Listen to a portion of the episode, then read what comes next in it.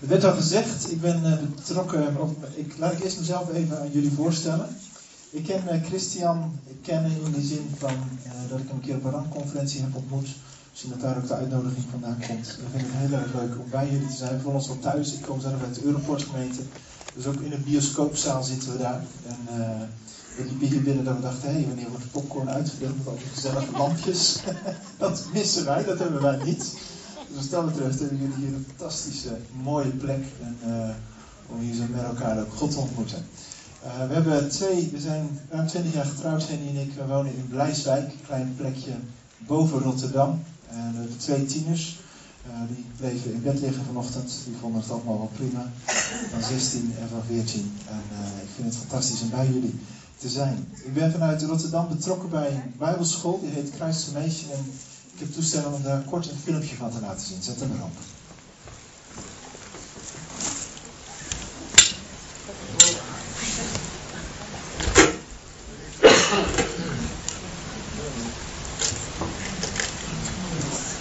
Kijk of er ook geluid bij is. Komt er geluid bij? Ga dat even? Ik zit hier allemaal naar gezichten van studenten te kijken die allemaal hele mooie verhalen lezen? Ja, maar. Iemand die toevallig. Niet? Oké, okay, nou goed. Ah, jullie kunnen wel de tekst ernaast zien. Het gaat over leiderschap, tools die in de kerk en in de maatschappij kunt inzetten. Goed, Christformation. Christformation is een bijbelschool voor jongeren 18 plus. Ik, ik, zie hier jongeren zitten. Misschien dat je nog niet weet wat je het komende jaar wilt gaan doen. Nou, kom dan lekker naar Rotterdam toe, de wereldstad, de havenstad. Een geweldige, de mooiste stad van Nederland vind ik. Ik heb in Rotterdam gewoond, Den Haag nog niet, maar en in Amsterdam.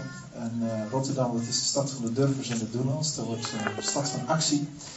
Maar dit is een uh, bijbelschool. Er zitten 35 aanmeldingen op dit moment, 35 jongeren die twee, één jaar apart willen zetten om gewoon echt God te zoeken. Uh, er zijn zo'n 40 studenten, docenten uit het binnenland en buitenland bij betrokken. Uh, en die echt je toerusten vanuit de vijfvoudige bediening. Het zijn mensen in de apostolische, profetische, herderlijke evangelisten en de leraarsbediening. En uh, je ziet een enorme verandering. Een van de grote kenmerken is dat we studenten met name willen binnenbrengen, ook in het bovennatuurlijke. Het werk van de Heilige Geest, daar op een gezonde manier mee om te gaan. En uh, je ziet echt gewoon de kracht van God. Er zit een missiereis bij. Nou, ik zou u zeggen, ze hebben blinden de ogen zien openen. Ze hebben lammen zien lopen. Ze hebben echt de kracht, wonderen van God gezien. En, uh, dus als jij jongeren kent nog voor dit seizoen, je kunt je nog drie, vier weken aanmelden.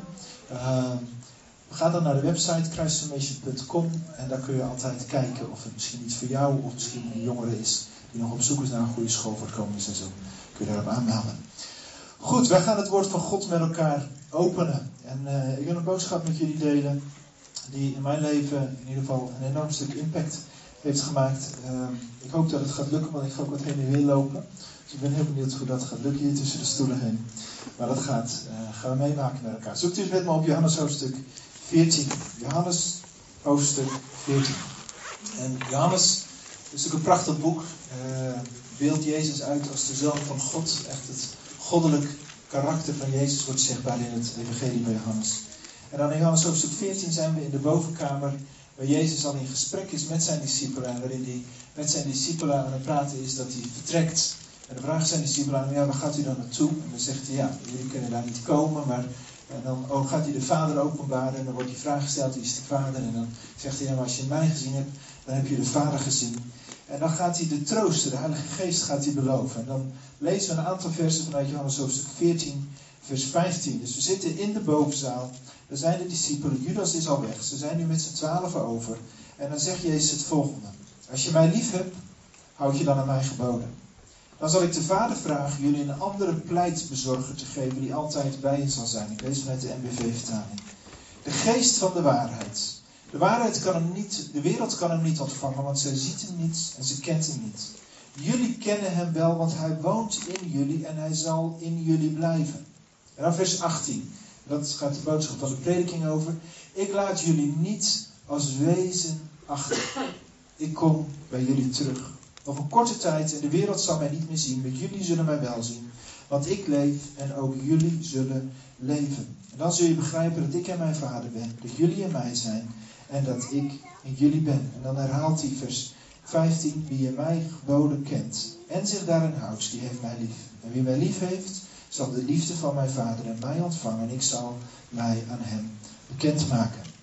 Johannes hoofdstuk 14. Ik laat jullie niet als wezen achter. Zomaar tussen een opmerking waar Jezus spreekt over de pleitbezorger, waar hij spreekt over de Heilige Geest die er gaat sturen. En dan opeens zegt hij, ik laat je niet als wezen achter.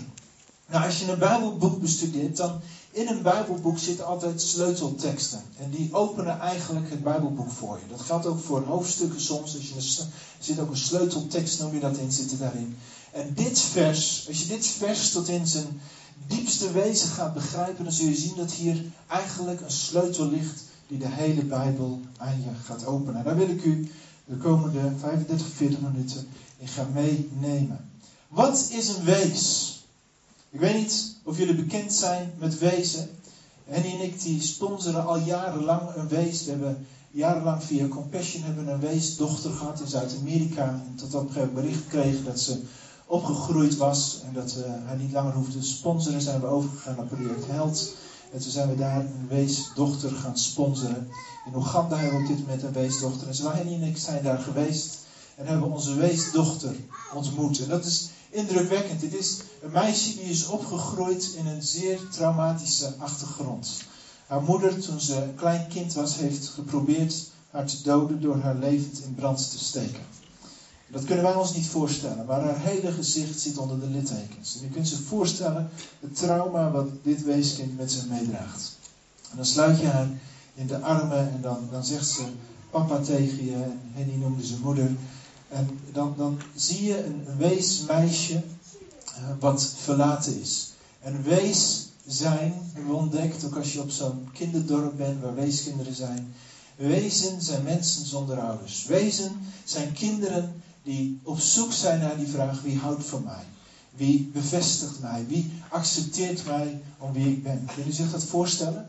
In een wees draait het, mijn wees draait het om ik. Wie ben ik alleen in deze wereld? Wie mag ik zijn? Wie is er voor mij? Het ik zijn staat centraal in een wees. En dat is natuurlijk begrijpelijk, want ze moeten overleven. Ze hebben geen ouders die hun daarin bevestigen. En Jezus spreekt hier naar zijn discipelen. En hij zegt, ik zal je niet als wezen achterlaten. En wat zegt hij dan eigenlijk als hij deze boodschap brengt? Waar, waar is dit begonnen? En ik wil jullie meenemen, dat hoef je niet op te zoeken, naar eigenlijk het begin. Waar het begonnen is. Waar komt deze boodschap vandaan? In Jezaja hoofdstuk 14 lezen we een profetie. Een profetie over een koning van Babylon maar die ook algemeen erkend wordt als een profetie over Lucifer, Satan zelf. En daar staat het volgende vanaf vers 12.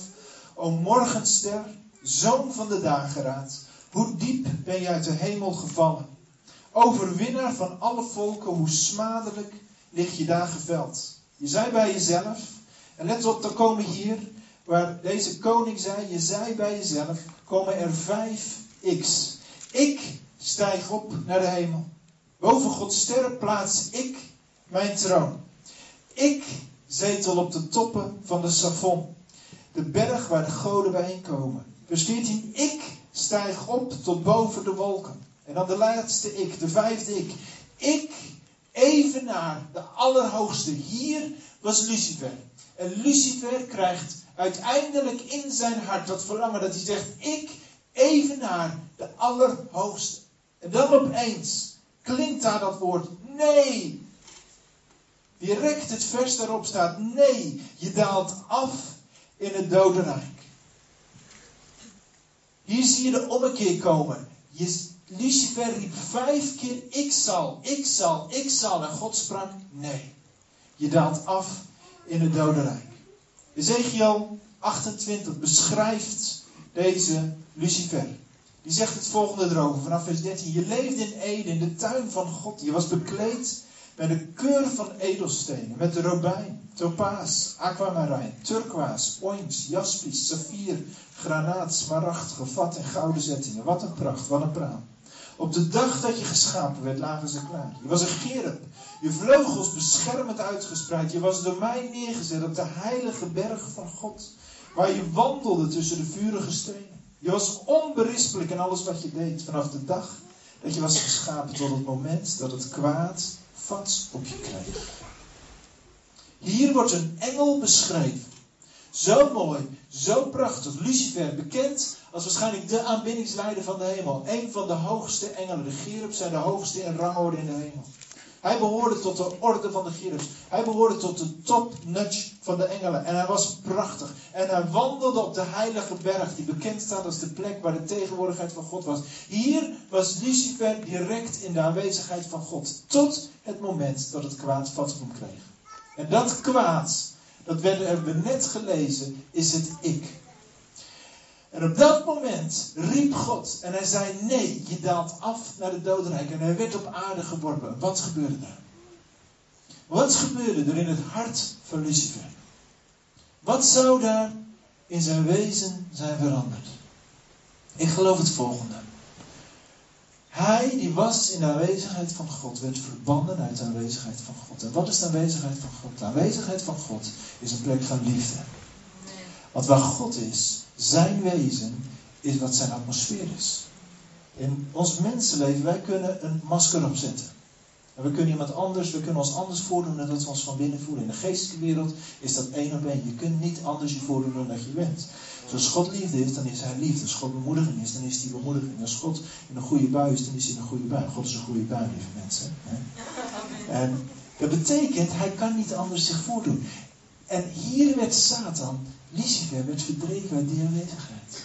En op het moment dat hij werd verdreven, werd Satan de eerste wees in deze wereld. Let goed op. Satan werd de eerste wees in deze wereld. En Satan werd de vorst van deze wereld. Ik ga eens laten zien. In Efeze hoofdstuk 2. Dan zegt Paulus het volgende. U was dood. Nu heeft hij het over u en over mij. Door misstappen en de zonden. Waarmee u de weg ging van de God van deze wereld. Wat u dat? U en ik, voordat wij God leren kennen, waren geestelijke levende doden en gingen de weg van de God van deze wereld, Lucifer. En wat staat er dan? De heerser over de macht in de lucht, de geest die nu werkzaam is en hen die God ongehoorzaam zijn. Vers 3 laat het kenmerk zien van deze invloed in het leven in hen die God niet kennen. In het leven van u en ik toen wij God nog niet kenden. Net als zij lieten ook wij allen ons eens beheersen door onze wereldse begeerten. Wij volgden alle zelfzuchtige verlangens en gedachten die in ons opkwamen en stonden van nature bloot aan Gods toren, net als ieder ander. Wat staat hier? Het kenmerk van de invloed van de God van deze wereld, van de wees der wezen, was onze zelfzuchtige verlangens, was ik. Het kenmerk van de wees is ik. Het kenmerk van de invloed van de wees is ik. Waar draait deze wereld om? Ik. Toch? Waarom zitten we in een economische crisis? Vanwege ik. De economische crisis waarin we zitten is een geestelijk probleem. Wat is het kenmerk van een democratie? Het draait om ik. Deze wereld draait om ik. En dat is het kenmerk van de wees. De God van deze wereld, die deze wereld beïnvloedt. En ik ben tot ontdekking gekomen dat je jaren christen kunt zijn, maar dat het hart van een wees nog steeds in je leven kan zijn. En waar is dat begonnen? En ik ga u meenemen, opnieuw verder terug in de tijd. En ik wil u uitnodigen om uw verbeeldingskracht daarin wat te gaan gebruiken. We gaan terug naar dat moment voor het begin van de tijd. Waar de engelen geschapen waren, de engelen in de hemel waren. En ik wil u uitnodigen om u aan te sluiten bij de engelenscharen in de hemel. En opeens klinkt daar die fluistering door de hemel heen. Opeens klinkt daar door de engelenscharen heen. Er komt een G3 aan. Er komt een G3 aan. En de Vader, de Zoon en de Heilige Geest trekken zich terug in de troonzaal en de deuren gaan dicht. En de engelen wachten af. En opeens gaan die deuren gaan open en daar zweeft de geest, zweeft langs ze heen en gaat naar een bol, een planeet die verderop daar in het duister zweeft. En over die duisternis zien ze hem zweven. Het licht zweeft over de duisternis, die oervloed, die diepe duisternis die daar is. En de engelen houden hun adem in en wachten af. Wat zou hier aan de hand zijn? Wat zou hier gaan gebeuren? En opeens klinkt daar die stem, er zij licht. En onmiddellijk een explosie vindt plaats. En licht spat uit. De Heilige Geest komt in actie. En er is licht overal. Prachtig, schijnend licht. En de engelen roepen, oh, prachtig, geweldig. De stem, God spreekt verder. En hij zegt, laat er scheiding zijn. Laat er water gescheiden worden. En opeens spat het water omhoog en er vindt een watergewelf vormt zich rondom de aarde en water op de aarde. En God spreekt verder en hij zegt: laat het water terugvloeien en laat er zich aarde vormen. En ze zien hoe het water terugstroomt. En we kijken toe en we zien hoe de bruine contouren van de continenten zichtbaar worden. En we kijken toe hoe, hoe dit plaatsvindt. En, en dan horen we de vader zeggen: Het ziet er goed uit. Het ziet er goed uit. En een nieuwe dag breekt aan en God spreekt en hij zegt: laat er planten zijn, en laten er bomen zijn, een vruchtdragend gewassen. En ze zien opeens over de bruine oppervlakte, trekt het helemaal groen. En de prachtigste bomen komen tevoorschijn. En de prachtigste bloemen, de prachtigste kleuren zien ze tevoorschijn komen. Fantastisch, oh, zie je dat gebeuren? Ze stoten elkaar vol enthousiasme aan. Die engelen moeten dat gezien hebben, die zijn daarbij geweest, die hebben dat meegemaakt. Ze zijn enthousiast geweest, die hebben gezegd: wow, fantastisch, mooi. Geweldig hoe dat eruit ziet. En opnieuw sprak God, ziet er goed uit. En toen sprak hij de volgende dag. Hij zegt, laten er lichten zijn. De zon om de dag te regeren. De maan om de nacht te regeren. En de sterren verspreiden zich over het heelal. Zover het oog maar reikte. Oh, prachtig. Wat een warmte gaf hij af die zon. Geweldig. De wolken vormden zich. En begon langzaam. Begon er iets heel moois te ontstaan. Ze stoten elkaar aan en ze zeiden, weet jij waar hij mee bezig is? Geen idee. Zou het echt niet weten. En God sprak opnieuw. En hij zei, laten er vissen in de zee zijn en vogels in de lucht. En opeens vulde de lucht zich met het prachtige gekwetter en het prachtige gefluit. En het klonk als een lied van aanbidding de hemel in. Prachtige vogels en de meest mooie kleuren. En in de zee zagen ze de vissen uit het water springen. Hele mooie kleine visjes en een hele grote met zo'n spuiter op zijn rug. Oh, geweldig, mooi, prachtig. Heb jij een idee, maar is hier bezig? Ze wisten het niet. En opnieuw sprak God, ziet er goed uit. En de zesde dag begonnen. En God sprak en zei, laten de dieren zijn. Op de aarde. En opeens zagen ze overal op de aarde zagen ze dieren. Een hele grote met een lange slurf. En eentje met een hele lange nek met vlekken. De meest prachtige dieren. De meest mooie, kleine, grote dieren zagen ze verschijnen op de aarde. Prachtig zag het eruit. En toen beseften ze hij is met iets bezig. Hij is, hij is een toneel aan het klaarzetten. Hij is iets aan het voorbereiden. En die middag keken ze toe hoe God de Vader uit de troonzaal kwam. En hij daalde af naar de planeet. Wat gaat hij doen? Wat gaat hij doen? En God daalde af. En hij knielde neer. Ergens bij een meertje. Ik ga nu niet knielen, want dan zien de mensen achter het niet meer. Maar hij knielde neer. De engelen verdrongen zich om hem heen. En, ze zagen hoe God modder maakte met water en zand vermengde. En hoe hij bezig ging om, om een borst te formeren. En ze verdrongen zich om zich heen, om hem heen. En ze hadden zoiets, wauw, wat gebeurt hier?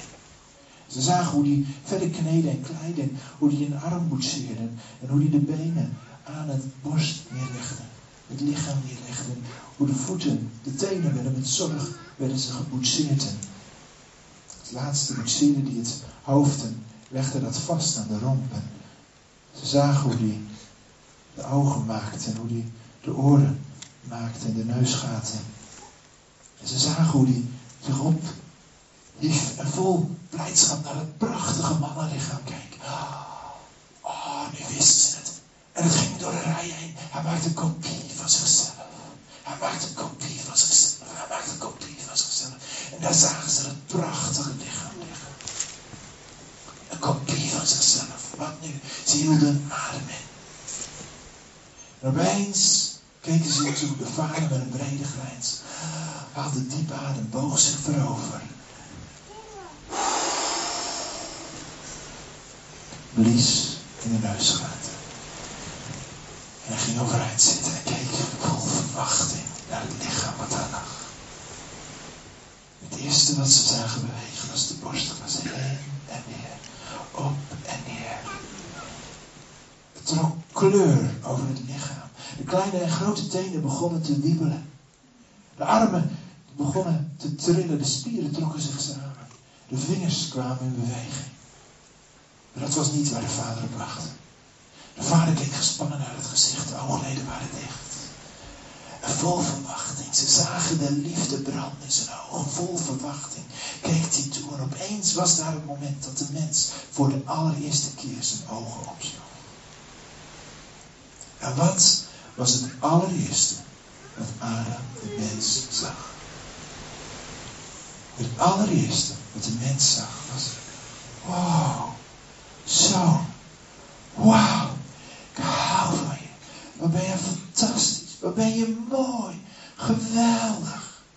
Liefde, liefde, liefde. Het was een, als een, als een stromende rivier zijn leven binnengegoten door zijn ogen. Hij zag niets anders dan de liefde van God aanvaarden in bevestiging en acceptatie. De vader keek hem aan en zei, kom, ga staan. En tilde hem op.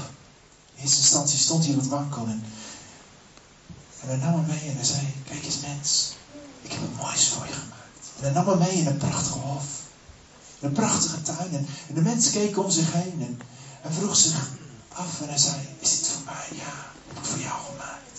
Ik hou zoveel van je. Ik vind je zo geweldig, ik vind je zo mooi. Hé hey, mens, wil je wat voor me doen? Ja, dat wilde hij wel. Hij voelde de liefde stromen, de mens. Zie je al die dieren, wil je zijn naam voor me geven? Ja, dat nou, was hij enthousiast over. En vol enthousiasme ging de mens aan de slag. En de engelen keken toe en ze genoten ervan om te zien hoe de mens de dieren naam gaf. En hoe s'avonds de vader terugkwam. En hoe ze met elkaar in gesprek gingen. En hoe de, de mens zo trots was. En zei, kijk, die heb ik giraf genoemd. En die heb ik olifant genoemd. En die heb ik een musje genoemd. En die heb ik een... Die vond ik zo mooi. Die heb ik een papegaai genoemd. Ik vond het zo mooi. Vogelvader. Ik vind het zo mooi wat u gemaakt heeft. Zo prachtig. Zo fantastisch. En ze genoten. Maar de vader merkte dat hij iets ontbrak. En zei, mens, kom eens. Ik heb nog een verrassing voor je. Kom. Ga maar lekker liggen. En hij zong een slaapliedje. En de mens viel in een diepe slaap. En God vormde nog een lichaam. Een vrouwenlichaam. En ook de vrouw opende voor het eerst haar ogen. Ook, ook de vrouw keek in die ogen van liefde. Wauw, wat ben je mooi. Wat ben je prachtig. Ook zij werd, werd omhoog geholpen door de liefdevolle armen van de vader. Met ondeugende ogen keek de vader eraan en zei: Kom, zullen we een geitje met hem uithalen? Kom, ga even stop achter die bomen. Ze verstopte zich achter de bomen. De vader ging terug naar de mensen. Schudde en wakker, wakker worden, wakker worden. Oeh, wakker worden. De mens geeuwde wat, rekte zich wat uit. Kom, ik heb een verrassing voor je. Ga ik even staan. En dan stond hij hem oog dicht. Oog dicht houden, mens. Vader terug. Kom mevrouw. Hij vlak voor hem staan. Mag ik mogen lopen doen? Nee. nee. nog even niet, nog even niet. Ogen dicht houden. En stond de vrouw. Ja, nu mag je ogen open. Wauw, is dat voor mij? Wauw, fantastisch, wat een lekker ding zeg, geweldig. Oh, geweldig, is die voor mij? Mannen. Wauw. De mens sprong op, de vrouw sprong op, wat waren ze blij met elkaar. En samen leefden ze. In die hoofd. En de mens introduceerde de vrouw bij alle dieren en alle pracht en alle schoonheid. En ze legden een woestijntje aan. Ze genoten van de aardbeien. Ze planten misschien wat druiven. Ze genoten van de vruchten van. Geleerden zeggen dat Adam en Eva misschien wel honderd jaar in de hof gewoond hebben. Als je de geleerden moet geloven. De Bijbel zegt dat niet, maar dat zou heel goed kunnen. Laten we dat eens aannemen, dat ze honderd jaar lang geleefd hebben. De eerste honderd jaar van hun leven. Dat ergens in die periode wij op zoek gingen naar de mens en zijn vrouw. Dat ergens in die periode wij de hof binnenkwamen. En dat wij de hof binnenkwamen, dat we ze vonden in alle blijdschap en alle vreugde. En dat we met ze in gesprek gingen. En dat, omdat we hadden gehoord dat zij het absolute geluk hadden. We gingen naar ze toe en ze zeiden: Mens, ik, ik voel me vaak zo onzeker. Kun je me misschien helpen? Ik, en een van ons, een ander, ik, ik maak me zoveel zorgen over mijn toekomst.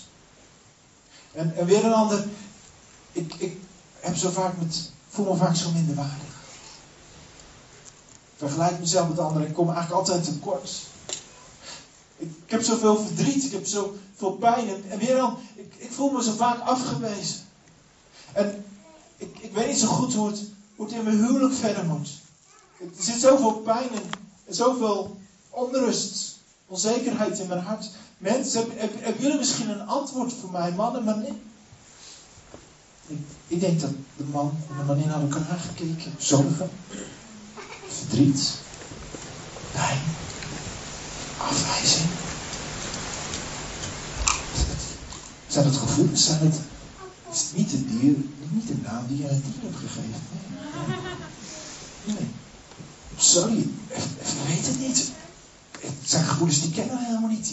We, we weten er helemaal niks van. Die, hebben we nog nooit mee. We weten niet hoe dat voelt. Weet je, wat, hij houdt van ons. Hij is wezenloos van ons. Hij is helemaal gek op ons. Hij, hij vindt ons fantastisch. We voelen ons zo geliefd, zo aanvaard. We kunnen jullie niet helpen, zo. We kunnen jullie niet helpen met jullie pijn en verdriet en jullie zorg en jullie angst en twijfels. En al die tijd had de wees der wezen toegekeken. Al die tijd was de boosheid en de jaloezie was gegroeid, de bitterheid in zijn hart. En had hij gezien hoe, hoe God aan twee van die nietige wezens de aarde in beheer gaf. Hoe, hoe, hoe haalde hij het in zijn hoofd? Hoe kreeg hij het voor elkaar? Hij had recht daarop. Maar ja, op de mens en de vrouw afstappen en zeggen: Hallo, ik, ik, ik, ben, uh, ik ben een gevallen engel en, uh, en ik wil dat jullie mij de autoriteit over de aarde geven. Nou, dan had hij al snel bedacht, dat zou niet werken. Ze had om zich heen gekeken. Hij had natuurlijk ook gehoord, de bomen die stonden. Hij had, had natuurlijk ook gehoord dat, dat, dat, dat die God tegen, tegen de mens had gezegd: Die twee bomen daar, die ene van goed en kwaad, daar mag je niet van eten, want dan zul je sterven als je daarvan. Opeens wist hij het. Hij wist hoe die, hoe die, hoe die, die God betaald zou gaan zetten. Hij vermomde zich in de gedaante van een slang. Die had hij al zo vaak zien liggen daar in de toppen van de bomen, zich warmend in de zon. En hij wist het, subtiel, maar mooi. Hij zou direct zich boven de mens plaatsen. Hij zocht een prachtige vrucht uit. En hij wist dat ze vroeg of laat langs zouden komen. Uren had hij gewacht. Rustig. Hij wist het. Die twee smoorverliefde mensen, dat stelletje, ze zouden vanzelf langs de boom lopen. Deden ze zo vaak. Ja, daar kwamen ze aan. En hij, hij zou bij de vrouw beginnen. Dat had hij ook gedaan. Hij zou bij de vrouw beginnen. Want de vrouw, dat had hij al lang door, die was de meest gevoelig van de twee. De, de vrouw, die, die, die had een liefdesrelatie met, met die God. Dat, dat was echt ongelooflijk. De man natuurlijk ook, maar, maar dat gevoelsleven van die vrouw was zo rijk. Daar, daar zou hij beginnen. Psst, vrouw, psst, kom eens. Kom eens. Heeft, heeft, heeft, heeft God werkelijk gezegd dat je niet mag eten van de boom? Zijn kop wiegde langs een prachtige vrucht. Ja, inderdaad. Ja, ja, we mogen er niet van eten. We mogen, we mogen hem zelfs niet aanraken. Want dan zullen we sterven. Aanraken. Wat hij God niet hoorde zeggen. Maar oké, okay, kwam er prima uit. Nee. Nee joh. Nee. Nee. Nee hoor. Nee joh. Weet je wat het is? Als je van die boom eet. Als je van de vrucht eet. Dan ga je er meer op lijken. Hij zag droog. Meer op hem lijken. En ze hield van hem. Zoveel meer op hem lijken. Lieve mensen. Als Satan aan ons de vraag had gesteld, wil je meer op hem lijken? Hebben we allemaal ja gezegd. Hoe vaak zeggen wij ik wil meer op deze lijken? Zij speelde in op de liefdesrelatie die er was tussen God. Hij speelde in tussen de liefdesrelatie tussen God en tussen de mens. Tussen God en de vrouw. Natuurlijk wilden ze meer lijken. Hij zag haar ogen opflitsen. En hij zag hoe ze keek naar de vrucht die naast hem. Zijn ogen flitsten heen en weer, haar ogen flitsten ook heen en weer. Pak hem dan, pak hem dan. Weet hij er van binnen toe. Pak hem dan. En hij zag hoe de hand naar de vrucht ging. En ze de eerste hap nam. En de beet klonk hem als muziek in de oren.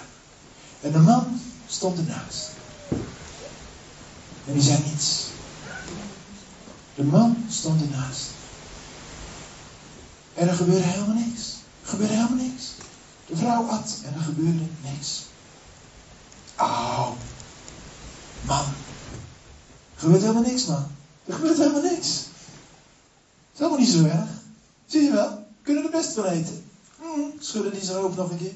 Kunt er prima van eten. Hij is lekker, hè? Mm, hij smaakt heerlijk. Hier, man, neem je ook een hapje.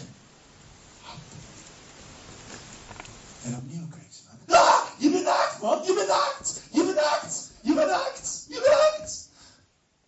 En ze rende weg. En hij rende erachteraan. En jij ook. Jij ook. Waar kwam dat nou weer vandaan? Waar kwam dat vandaan?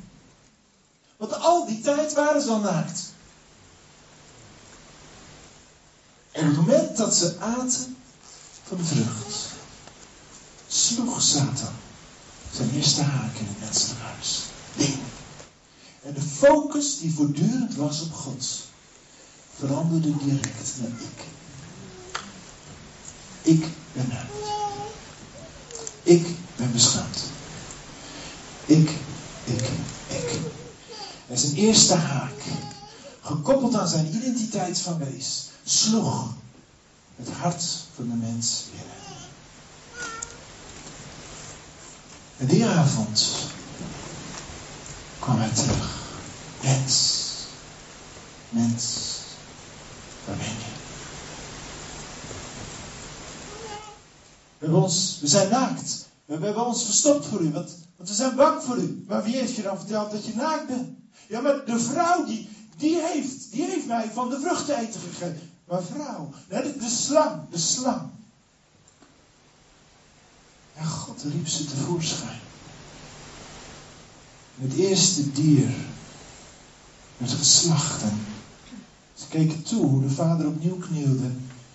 Het dier velde, vilde en de huid eraf trok. En dierenkleren voor ze maakte. Waarschijnlijk een lammetje.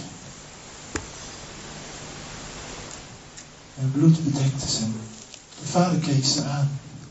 En ze zagen, dwars door de liefde, iets wat ze nog nooit gezien hadden. Een diep verdriet, een intens verdriet. Ze keken hem aan en opeens voelden ze emoties die ze nog nooit gevoeld hadden. Opeens voelden ze verwarring, opeens voelden ze verdriet, opeens voelden ze angst, opeens voelden ze allerlei emoties. Zou dat hetgene zijn waar die mensen die bij ons op bezoek kwamen het gehad En de vader sprak met hen die zei, mens, Adam, Eva. Vanaf dat moment werden ze zo genoemd om de scheiding aan te geven. En hij, hij keek ze aan met, met die verdriet in de ogen. Hij zei, Adam, Eva, wie jullie dit gedaan hebben. Nu gaat er iets gebeuren. Jullie hebben, jullie hebben ervoor gekozen om, om je leven te leggen in de handen van de slavernij. In de handen van degene die, die, die steeds dieper op jullie in zal buiken. Die, die, die, steeds meer misbruik van jullie zal maken. Adam en Eva, als ik, als ik jullie hier ga laten, dan, dan gaan jullie misschien eten van de boom van het leven. En dan komt het nooit meer goed. Adam, Eva, kijk eens aan. Ze keken hem aan met, met diep verdriet, diepe angst, grote vraagtekens. Adam, Eva klonk het. Jullie moeten weg. Jullie moeten weg. Weg. Weg. Het Hebreeuws zegt, en ze viel als dood voor zijn voeten neer. Zijn graankorrel op de aarde valt. En God zag opnieuw twee mensen. En opnieuw knielde die. En opnieuw tilde die, die mens op. Maar deze keer droeg hij in zijn armen De meest verbroken mens die de wereld ooit gezien had. Adam, je moet weg. Misschien droeg hij hem buiten de hof. En een zware. Maar al die tijd aankijken, dit kan niet anders. Het kan niet anders. Je moet weg. Je moet weg. Legde hem neer met een gebroken hart buiten de hoofd. Mens, wanhoop achterlatend.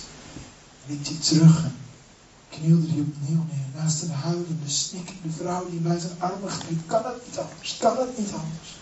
Nee, Eva, het kan niet anders. En ook haar zij werd opgetild en buiten de hof gebracht. Naast de mens gelegd. Nog één keer keek hij ze aan. Adam, Eva. Ik had zo graag gezien dat het anders was geweest. Maar het kan niet anders. En hij draaide zijn rug toe. En achter zich liet hij de twee eerste wezen van deze mensheid. Adam en Eva, de twee eerste menselijke wezen, verlaten door de Vader die hun geschapen had en lief had. Deze vader werd een zoekende vader. Deze vader kwam terug.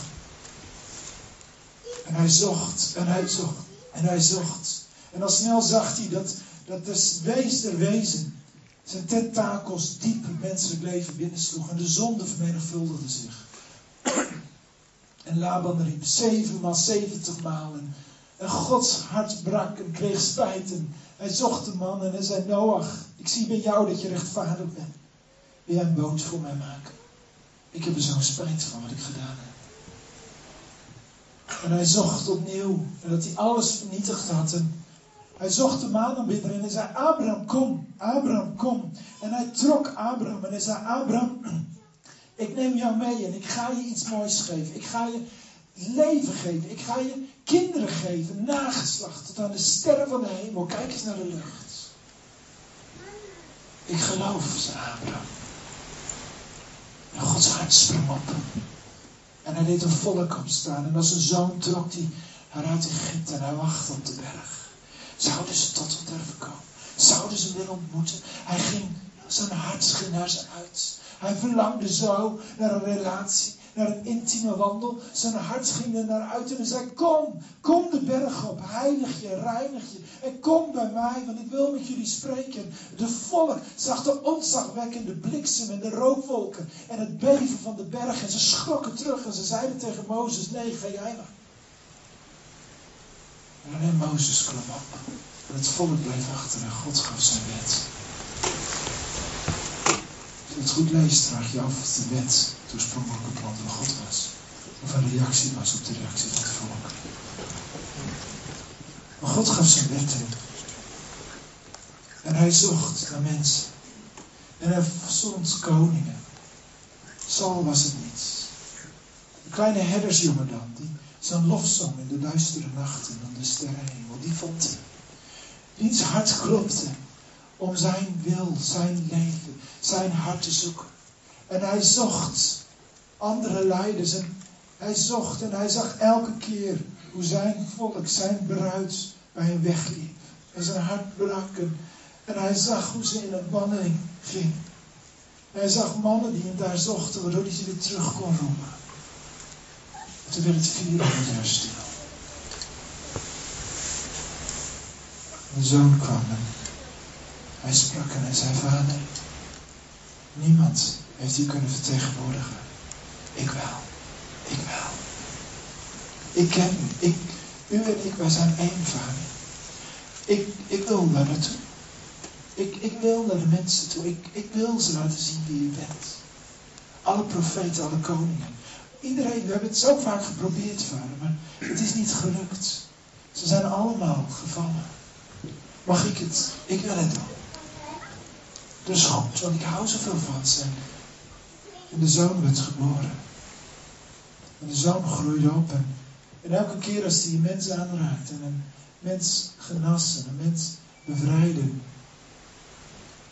de woorden deelde, dan, dan openbaarde hij daarmee iets van de Vader, van het hart, van de liefde, van de passie. Van deze schepper. toen kwam hij in de bovenzaal. Toen kwam hij op het punt dat hij vlak stond voor zijn gevangennaam. Toen kwam hij op het punt dat hij in gesprek kwam met zijn discipelen. En dat zijn discipelen aan hem vroegen, maar waar gaat u dan naartoe? Ik ga terug naar mijn vader. Ja, maar toon ons dan de vader. Ja, maar ben je nu zo lang bij hem geweest dat je de vader niet hebt gezien? Weet je, ik ga je een andere pleitbezorger sturen. Ik, ik ga je iemand anders sturen. Ik... En hij stokte. En de discipelen keken aan. En misschien op dat moment, in Johannes 14, misschien op dat moment dat, dat Jezus die woorden sprak, ik, zal een andere pleitbezorger sturen. Ik zal jullie nooit. Opeens schoot dat beeld in zijn gedachten en zag hij zijn vader met, met de mensen en de vrouw de hof uitlopen. En voelde hij de pijn van het hart van zijn vader, hoe hij deze man en vrouw als wezen moest achterlaten. En zijn hart stokte. Ja, nooit meer. Nooit meer. Nooit meer, Johannes. Nooit meer, Petrus. Nooit meer, Jacobus. Ik zal je nooit meer als wezen achterlaten. Nooit meer. Nooit meer. Die vreselijke gebeurtenis die daar gebeurd was. Nooit meer. De discipelen hebben misschien aangekeken. Waar kwam die emotie vandaan? Waar kwam de trilling in zijn stem? Waar kwam opeens die opwinding vandaan? Waar kwam die eeuwenlange pijn en verdriet vandaan? Die ze hoorden, die klonken de echo's van zijn stem. Nooit meer als mensen. Nooit meer als wezen achterlaten. Nooit meer. En ze daalden met hem af. In de hoofd van Gethsemane. En de soldaten kwamen. En ze vluchten. Petrus volgde. Bij de derde keer. Nee. Nee. Ik ken die mensen Ik ken hem niet. Niets met hem te maken. angst vulde het hart van Petrus en de haan kraaien drie keer. En Jezus keerde ze naar hem toe. Met ogen vol keek hij aan. En Petrus hart brak en huilend, huilend, huilend. Rende deze stoere vissersman. De donkere. Gebroken. Hij had zijn meester verraden. En misschien dat ze langs de wegen hebben gestaan toen ze zagen hoe die heen en weer gesleept werd tussen Herodes en Pilatus. Misschien dat ze in de menigte hebben gestaan toen ze op afstand zagen hoe die voor Pilatus werd gebracht en Pilatus naar buiten bracht. Gegeeseld op de Romeinse manier, door de kroon op zijn hoofd. Een en al bloed stroomde uit onze wonden. Kruisigen, kruisigen, kruisigen. En ze zagen hoe hij strompelde door de straten en het kruis te zwaar werd en met de klok op de grond En hoe Simon werd gedwongen om zijn kruis te dragen. Ze volgden op afstand en ze hoorden de spijkers door zijn polsen en door zijn enkels heen gaan. De hamers slagen, klonken, die klonken en sloegen diepe wonden in hun en in hun ziel. De man die ze vertrouwd hadden, die ze geloofd hadden. De man die ze gevolgd hadden. Ze hoorden de plof toen het kruis overeind gezet werd. De grimas van pijn op het gezicht van Jezus. Maar wat zou Jezus de meeste pijn hebben gedaan? Daar was over nagedacht. Maar er trok drie uur duisternis over het land. De donker, aardonker. Psalm 25 geeft ons een kijkje wat er misschien in die drie uur gebeurd is. En misschien, ik zeg niet dat het is gebeurd, maar misschien dat dit gebeurd is in die drie uur. En het laatste kruis, de laatste twee kruiswoorden tillen misschien een tikje van die sluier op wat er gebeurd is in die drie uur duisternis. Zou het zo kunnen zijn dat toen Jezus daar hing, had geen gestalte van een mens meer, zegt Jezaja. Hij hing daar, verkrampt aan een kruis. De duisternis kwam en opeens verschenen ze voor hem. En opeens was daar de gevallen engel.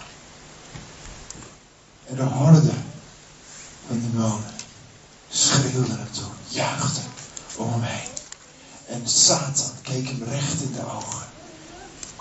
Je bent één van ons geworden. Je bent één van ons geworden. Een wees, Jezus. Een wees. Hij heeft je in de steek gelaten. Je hier aan het kruis? Hij heeft je in de steek gelaten. Hij heeft je in de steek gelaten. Je noemt een vader? Kom nou. Vaders kruisen hun kinderen niet. Je bent een wees. Jezus geeft maar toe, je bent een wees. Net als ik. Zie je wel? Vroeg of laat stoot hij iedereen af. Je bent een wees. Drie uur lang. Psalm 25 zegt, de horden kwamen op mij af. Om mijn vlees te eten. En met alle macht alle kracht die in hem is, riep hij, Eli, Eli, lama sabachthani, mijn God, mijn God, waarom hebt u mij verlaten? Zie je wel, juichte de engelen. De demonen om heen. Hij je verlaten. Eli, Eli, lama sabachthani, mijn God. Oh, mijn God. Oh, mijn God. ging zijn ogen open. En nu keek hij Satan recht in de ogen. Nee. Nee. Nee. In uw handen beveel ik mijn geest. Het is volbracht. De Satan schrok terug. De engelen, demonenmachten schrokken terug. Nee. Hij heeft het in zijn hand gelegd. En het is gevaard. Ons verlies is begonnen. En drie dagen later werd de steen weggerold. En kwam de engel en doorbrak hij de dood en de demonen en de Satan had verloren. Er was een zoon opgestaan. Amen. Er was een zoon opgestaan die terugging naar zijn vader. En vijftig dagen later stortte hij een geest uit in het hart van zijn kinderen. En hij stortte de pleitbezorger. En hij stortte de geest van het zoonschap. Abba, papa, vader. Niet langer als beest. Abba, papa, vader. Ik zou u niet als wezen achterlaten. Lieve mensen. Dit is de boodschap van het woord van God. Wie draait het aan? Wie gaat het aan? Dit is het evangelie. De zoon is gekomen. De geest is. En roept Abba, Papa, Vader. Ik heb in mijn eigen leven ontdekt. In alle jaren dat ik God niet mag. Dat je jarenlang christen kunt zijn. Maar de sporen van het wees zijn. Diepe littekens in je hart getrokken kunnen hebben. Je kunt jarenlang christen zijn en worstelen met onzekerheid, eenzaamheid, alleen zijn, afwijzing, pijn, verdriet. Waarom? Omdat die geest, die werkelijke openbaring voor wie de Vader is, die werkelijke openbaring, Abba, Papa, Vader, dieper en dieper mag zetten in je hart om definitief die sporen van de wezen uit je leven weg te bannen. Want Hij heeft ons gegeven, niet de geest van slavernij, niet de geest van angst, maar de geest van liefde de geest van het zoonschap. Waardoor we kunnen roepen, Abba, Papa, Amen. Amen. Amen.